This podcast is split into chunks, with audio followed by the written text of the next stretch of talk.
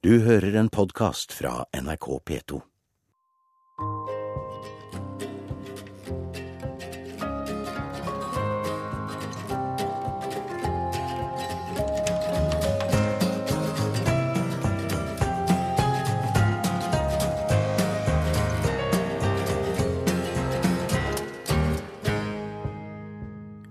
God sommer. Jeg heter Gerhard Helskog, er 53 år gammel, gift, far til tre. Har i mange år vært journalist i avis, radio og TV. Nå er jeg aktualitetsredaktør i TV 2. Men akkurat nå sitter jeg og ser på en tolv år gammel gutt som sover. Den tolvåringen er meg. Han ligger i en køye under dekk i en gammel treskøyte. Ute er det morgensol og blikkstille sjø. Gutten våkner langsomt og ligger og lytter til vannet som klukker rundt den gamle skutesiden. Det er sommer. Denne natten har de voksne hatt fest med andre voksne i nabobåtene. Spilt musikk, diskutert, etter hvert høylytt kranglet, og sovnet utpå morgenkvisten i hver sin køye der fremme i forpiggen. Denne tolvåringen som jeg ser for mitt indre øye, han er meg, men en annen. Jeg syns ikke synd på gutten. Han har sine teknikker. Han så den festen komme, og han sørget for å sovne før krangelen begynte. Han kan bestemme seg for å sovne, og han nekter å våkne av krangler. Men han våkner av havet, som klukker i skutesiden, når alt er stille og morgensolen skinner inn. Det er en sjøvant gutt. Han kryper opp på dekk, det lukter drev og tjære. Så glir han over rekka og ned i en liten seiljolle og lar seg drive med vinden tvers over bukta til den bratte fjellsiden på andre siden. Der begynner han å klatre rett opp. Langsomt. Det er skummelt å se, i dag er jeg urolig for høyder, men denne tolvåringen er ikke riktig god i nøtta. Han eier ikke høydeskrekk. Tvert om, han liker kilingen i magen når avgrunnen vokser bak ryggen hans. Høyt opp følger han en fjellhylle bortover. Den hylla stopper i en dyp sprekk i fjellet. Hylla fortsetter på den andre siden. Han nøler bare et øyeblikk, tar sats og hopper over avgrunnen og lander på fjellhylla litt nedenfor. Men den hylla, viser det seg, er to skritt bred og fører ingen sted hen, bare rett i avgrunnen. Gud, for en tosk! Når jeg ser på denne tolvåringen nå, så er det åpenbart at han bør rope, kauke, til noen før eller siden oppdager han. Det er langt unna folk, men lyden bærer når den treffer sjøen. Men han gjør ikke det. Suget i magen, redselen, gjør han ikke rasjonell, bare rasende. Når han først har gjort noe så dumt som å sette seg fast på en fjellhylle, ser han ingen grunn til å rope det ut. Ikke denne gutten. Han reiser seg, ser skrått opp på fjellhylla han har hoppet fra, måler avstanden, setter seg ned, tenker. Det går antagelig en time. Jeg tror ikke at han gråter, men jeg er ikke sikker. Både jeg som nå er 53 år gammel, og den 12 år gamle gutten, vurderer situasjonen likt. Lykkes ikke spranget, er det vanskelig å skjønne hvordan han skal overleve. Det er langt ned til en steinur. Gutten tar de to stegene, satser alt han har og hopper opp og ut og treffer hylla, stuper fremover, griper tak og klorer seg fast i sikkerhet. Resten går enkelt. Han finner en annen overraskende enkel vei ned. Seiler over sundet til skøyta. Der de voksne nå har stått opp og sitter tause og litt flaue på dekk i morgensolen og spiser frokost. Noe er i ferd med å dø mellom de to voksne menneskene han elsker høyest i verden.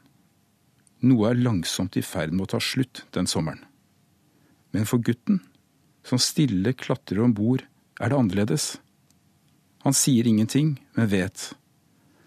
Han kan klare ting alene også, hvis han bare våger å hoppe. Yes,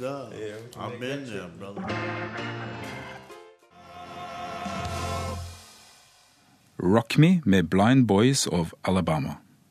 Jeg heter Gerhard Helskog og var tre år da jeg bokstavelig talt flyttet inn i en avisredaksjon.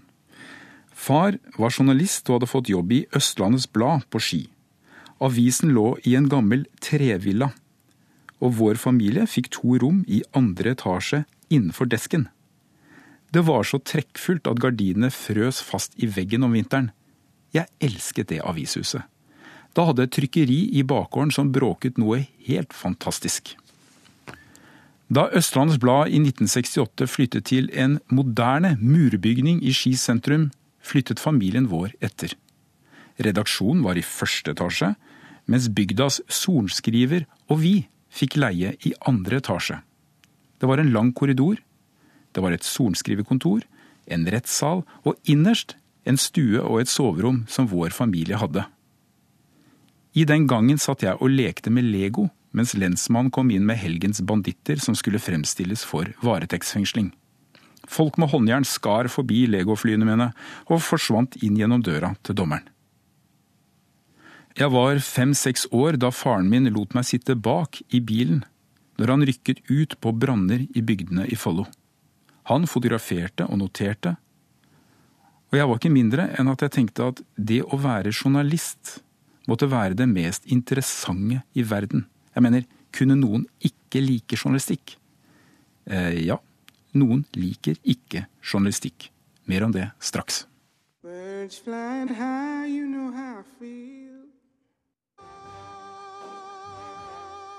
Nina Simone, 'Feeling Good'. 13 år gammel fikk jeg fast jobb i VG, som bud én kveld i uken. Dette var på 70-tallet, lenge før internett, så jeg kopierte manus og løp med beskjeder og konvolutter mellom desken, setteriet og de forskjellige trange, røykfylte redaksjonene med de slitte møblene. Fra fotoarkivet til Tostrup-kjelleren, og en sjelden gang med en beskjed til en reporter inne på Stortinget. Men en kveld i 1977 var det stengt. Stortinget ble stengt for alle VG-ansatte, selv en 13-åring. Journalistene i VG var i opprør, men det ble stille når jeg kom inn i redaksjonen, for dette handlet om faren min. Far var journalist i VG. Han hadde vært ved fronten i Midtøsten, han hadde dekket de største norske krimsakene, men først nå, når han hadde begynt å skrive om noe så dølt som norsk oljeindustri, først nå smalt det. Far hadde fått tak i et internt strateginotat fra Arbeiderpartiet som viste et dobbeltspill.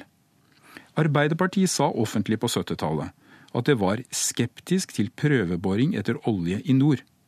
Men i det stille, i industrikomiteen på Stortinget, gikk partiet tvert om inn for å slippe til utenlandske selskaper i nord. I 1977 var dette uhørt ja, ikke det politiske dobbeltspillet. Det som var uhørt, var at journalister fortalte hva politikerne planla. Ikke bare noterte det de sa, men skrev hva de gjorde. Det groveste var at far hadde trykket en faksimile av dokumenter, slik at leserne selv kunne se hva som sto der. VG var en sånn avis som elsket oppslag om ko-ko byråkrati. De laget spalter som VG hjelper deg, og raljerte over stupiditeter ute i kommunene under vignetten Heia Norge! Men nå hadde de gått for langt. Nå var Stortingets verdighet truet. Stortingspresident Guttorm Hansen fra Arbeiderpartiet sørget for at VG ble stengt ute av nasjonalforsamlingen i én måned som straff. Tenk å skrive om det som var sant. Jeg har ennå ikke hørt om et eneste samfunn i verden som har gått til grunne pga. for mye åpenhet. For mye informasjon eller for mye debatt har aldri ødelagt et demokrati. Det motsatte, derimot, er mer vanlig. Når makta lukker seg, går det alltid, alltid galt. Slik er det i alle forhold mellom mennesker. Når vi lukker oss, går noe i stykker. Slik er det mellom folk og politikere. Slik er det mellom naboer, på jobben, eller for familien på et båtdekk en morgen. Det er gjennom åpenhet vi puster.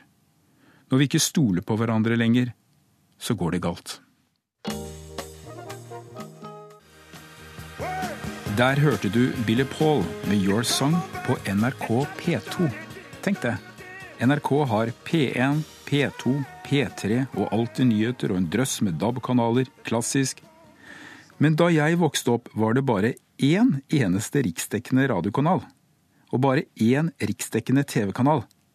Én. Alt var NRK, og alt var til syvende og sist kontrollert av staten. Er du under 40 år, så tror du kanskje ikke på meg, men vi hadde bare én statseid nyhetssending på TV Dagsrevyen. Arbeiderpartiet var størst og ville ha det slik. De utnevnte sine partikamerater til kringkastingssjef og styrte i stort, og noen ganger i smått. Bare et eksempel. I 1989 Dagsrevyen skulle levere en reportasje om norsk selfangst til CNN. Da sendte utenriksminister Thorvald Stoltenberg regjeringsadvokaten inn i Dagsrevyen for å se gjennom innslaget før det skulle på lufta. Regjeringens folk sto inne i Dagsrevy-redaksjonen og så gjennom det upubliserte innslaget. Først da myndighetene forlangte å få med seg en kopi ut av huset, sa en modig vaktsjef, Anders Hoff, stopp. Det kunne bare ikke fortsette sånn. Jeg jobbet i lokalradioen i NRK Østlandssendingen, altså i NRK, men var helt imot hele NRK-monopolet, og sa det så ofte jeg kunne. Og nå nærmer jeg meg det punktet hvor jeg skal prøve å forklare hvorfor mange av oss brant etter å starte TV 2, en alternativ TV-stasjon med andre nyheter enn dem Dagsrevyen ga oss. Nå gir jeg liksom inntrykk av at NRK på 80-tallet bare var betong, og det er feil. Huset på Marienlyst var svært sammensatt, og det var for all del mange flinke folk i Dagsrevyen. Selv i monopoltiden hadde NRK sine definitivt anarkistiske sider også, men det var spesielt i kulturavdelingen, underholdningsavdelingen og blant dem som lagde programmer for de unge. Der skjedde det sprø ting. Da kommunistdiktaturet i Øst-Europa kollapset i 1989, fikk noen av disse kulturfolkene i NRK den absurde ideen å lage et politisk talkshow i en bar på toppen av det gamle SAS-hotellet i Oslo, direktesendt sent på lørdagskvelden. Altså politikk i en bar på lørdagskvelden. Og som ga de meg jobben, 26 år gammel, skjønner du. Hva kunne gå galt?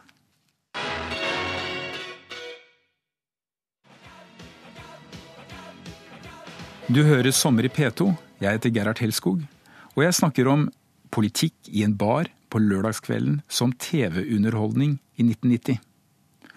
Den første jeg inviterte til baren, var tidligere utenriksminister Thorvald Stoltenberg, for å spørre han om hvorfor han og regjeringen ville kontrollere innslaget fra Dagsrevyen. Året er 1990. Jeg var 26 år gammel, overmodig tosk som utfordret Norges mest sjarmerende og erfarne politiker. Og idet rødlampen gikk på og jeg skulle begynne å spørre, svimlet det for meg et øyeblikk, som om jeg sto på en fjellhylle over et stup. Jeg hoppet, og på et eller annet underlig vis fungerte det. Ikke fordi spørsmålene var spesielt gode. Det var latteren i salen som vippet Stoltenberg av pinnen. Tidene var i ferd med å endres. Folk kunne svare for norske interesser raskt i USA. Det var jo ikke snakk om å fortelle folk skal... hva de skulle gjøre. De, så godt kjenner jeg. Du snakker så langt. Så godt kjenner jeg. Men, men, må, du høre, må, du høre, litt. Må du høre litt. Når du, hør her. Når du inviterer meg ned på en kosekveld, og så smeller den i trynet på meg, så må jeg kunne svare for meg, altså. Så må jeg kunne svare for meg. Vi hygger oss, vi hygger oss nå, Stoltenberg. Nei, ikke jeg. Nei, det er jeg bestemt på at dette For høre, Skal vi ikke få dette til en skikkelig ordning hvor alle som rapporterer fra Norge og sender utslag ut av landet, at det går via ditt kontor, sånn at du liksom får oversikten og er forberedt på svaret? Hvis dere vil, hvis dere vil, så er det så fint. du. Det har ikke det minste mot jeg å se og kunne forberede Lese noe som blir sendt ut av landet. Nei, men Du må høre på en ting her. Det som er poenget her, er at det er jo vi som blir spurt etterpå. Resten av programmet kom flere kritikere til, og vi diskuterte om NRK var ensrettet, servilt og venstrevridd. Det var januar 1990, lørdagskveld, og vårt program var det eneste som var tillatt på riksdekkende TV i Norge. NRK anslo at 80% av husstandene hadde på TV-en den vinternatten vi i NRK angrep NRK. Det var monopolet som fikk en rekyl. Ja, jeg ble forbanna, sa Stoltenberg over hele førstesiden av Dagbladet etterpå. Mange andre var forbanna også. Men av en eller annen grunn fortsatte kulturfolkene i NRK å gi meg jobber, nye show med hyggelige intervjuer og musikk. Alt gikk fort, vi fikk en TV-pris. Men nakken min bøyde seg. Jeg gikk med hendene i lomma og så i bakken for ikke å bli gjenkjent. Det var som om jeg lekte med Lego mens alvoret var oppe til doms bak en annen dør. Jeg ville jobbe systematisk med kritisk, undersøkende journalistikk på TV, men noe slikt program fantes ikke. Så jeg sa opp en fast stilling i NRK og gikk og gjemte meg i en lesesal på Blindern og studerte historie. Jeg visste virkelig ikke hva jeg skulle gjøre.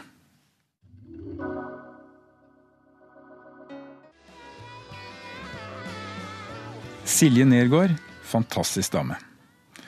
Jeg var med å starte TV 2 i 1992. Det er nå 24 år siden.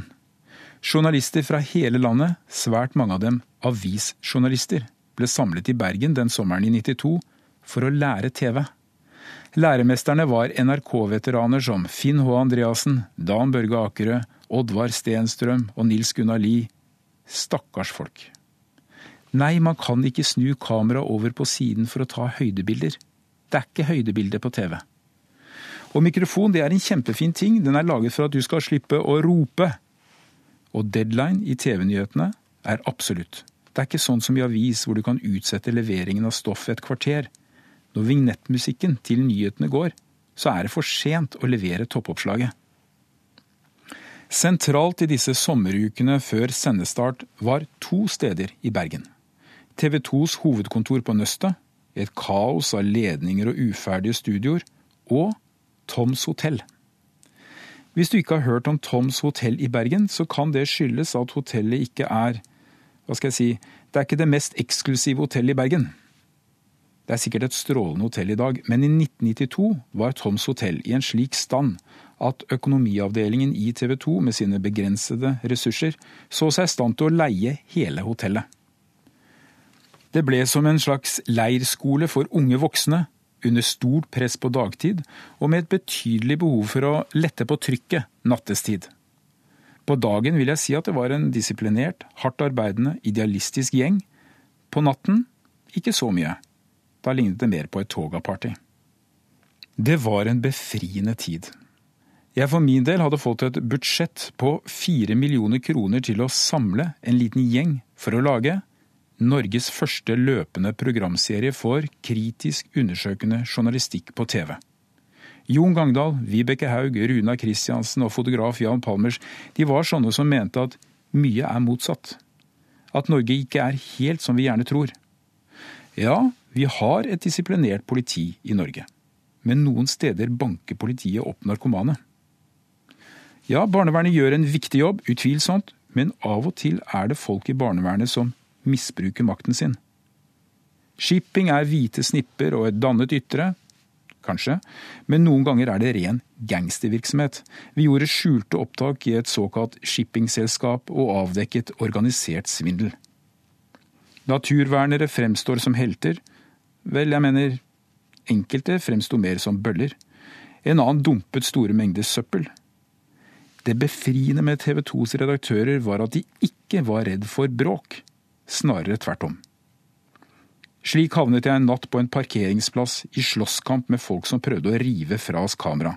Så lenge kameraet gikk og vi klarte å holde fast, hadde vi en slags beskyttelse. For så, noen dager senere, å stå i en rettssal, saksøkt av andre folk i en helt annen sak. Vi ble saksøkt for injurier fra første sending. På et tidspunkt kom jeg ut av telling med søksmålene. Og det var ikke morsomt. 90-tallet var en tid hvor domstolen i Norge dømte redaksjoner til å betale svære erstatninger for små feil. Vi vant rett nok alle søksmål mot Dokument 2. Vi vant alle, men det tæret på. Jeg mener ikke å sutre. Norge er i all vesentlig grad et trygt land å slåss for ytringsfriheten. Det går fredfylt for seg. Ja, hvis du tilhører den privilegerte etniske norske hvite middelklassen, da, vel å merke. Tightrope med Chanel Monet. De aller beste journalistene er som regel kvinner. Og de aller øverste redaktørene er som regel menn. For norske mediebedrifter er flinkere til å skrive om likestilling enn til å praktisere det selv. Nok om det. En vårdag i 2000 kommer min gode kollega Tonje Steinsland inn i redaksjonen sammen med en vever, ung, blendende vakker, mørk jente. Navnet hennes var Kadra. Tonje hadde møtt Kadra på et krisesenter i Askim, der hun gjemte seg for det somalske miljøet i Oslo. Kadra var på flukt fordi familien hennes forlangte at hun skulle la seg omskjære, lemleste nedentil, for å bli gifteklar. I fortvilelsen hadde Kadra gått til imamen i moskeen i et forsøk på å få hjelp, men imamen sa ikke 'ring politiet'. Han sa ikke 'jeg kan hjelpe deg å ringe barnevernet'. Nei, nei. Det sa han ikke. Imamen sa i stedet 'hør på mamma'. Et jentebarn måtte altså heller bli skåret opp nedentil og skadet for livet enn å motsette seg familiens vilje. Kort fortalt, vi organiserte et team rundt Kadra. Kadra ble utstyrt med skjult kamera og gikk inn i alle afrikanske moskeer i Oslo og snakket med alle afrikanske religiøse autoriteter. Det dokumenterte alt Kadra hadde fortalt. Imamene sa til Kadra at hun måtte adlyde foreldrene sine. En sa at omskjæring ikke er pålagt i islam, og det har han jo rett i. Men på den annen side at alle barn er pålagt å adlyde foreldrene sine. Kniven, altså. Når Tonje intervjuet de samme imamene åpent etterpå, sa de at de aldri hadde hørt om kjønnslemlesting i Norge. Løgnene og overgrepene kom på TV i 2000, og det ble en voldsom debatt. Det interessante var at det ble en ny type debatt. For denne gangen var det de unge minoritetsjentene som Kadra og den like modige Zainab som førte ordet. Livsfjerne norske akademikere og det vanlige koblet av godt voksne talsmenn i innvandrermiljøene ble endelig skjøvet i bakgrunnen. Norge fikk en ærlig debatt om problemer som jo også kommer med innvandring. En sånn debatt som den svenske eliten f.eks. la lokk på og nektet å ta. Og fordi heltene i Tonjes historie var de modige, unge minoritetsjentene, så fikk alle se hvilken gave innvandring også kan være. Norge fikk altså en ærligere debatt, men også en mye mer sympatisk debatt. Norge fikk en debatt som var mye bedre enn det munnhuggeriet som rir Danmark. I Sverige snakker de ikke skikkelig om problemer. I Danmark har de problemer med å snakke skikkelig til hverandre. Begge deler hindrer integrering. Jeg mener rett og slett at journalistikken Tonje og Kadra leverte allerede i år 2000, ikke bare reddet mange norske jenter fra lemlesting, men også hjalp hele Norge inn i et godt spor. Faktisk. For etter Kadra og jentene fulgte det de neste årene en serie nye stemmer i alle medier. Her er Nora Nord fra Holmlia om det å få være fri.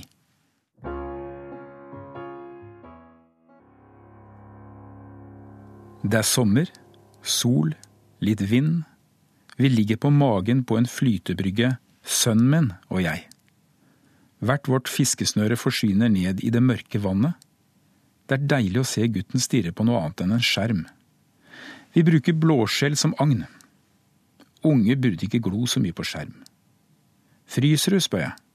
Jeg hadde bedt han ta på seg en jakke da vi gikk, men ville han høre? Nei da. Så der lå han i en tynn bomullsgenser. Ennå har det ikke slått meg at da jeg var barn, mente jeg at voksne ikke forsto noe, og nå som jeg er voksen, mener jeg at barn stadig tar feil. Hva er den derre dopingsaken for noe? spør gutten. Helvete ta Google. Det var en feil jeg gjorde, svarer jeg. Jeg hadde et program der jeg fortalte om medisiner til norsk skiidrett, men så hadde vi tatt feil liste. Vi tok feil. Fortell, sier gutten og et øyeblikk så ser jeg inn i øynene til den tolvåringen jeg en gang var. Jeg satset og hoppet, men falt, sa jeg. Og så ga jeg opp å si noe mer. Han skjønte ikke hva jeg sa, det var jo bare bobbel. Skulle jeg fortsette, måtte jeg si noe sånt som Fallet var ikke en katastrofe. Faktisk var fallet noe av det mest frigjørende jeg har opplevd. Men det sa jeg ikke. Jeg ventet bare på det spørsmålet som måtte komme. Du dreit deg ut, konstaterer gutten. Ja, det er sant. Jeg fikk juling. Det var litt nyttig også. For når du får sånn bank og er så langt nede, så ser du tydeligere hva som er viktigst. Og hva er det, da? spurte gutten. Å høre det klukke i vannet en sommerdag, fiske med deg, og så rusle opp til moren din og søsknene dine, og passe på at kjærligheten ikke visner. Er det alt? Ja, det er det som er alt. God sommer. Du har hørt en podkast fra NRK P2.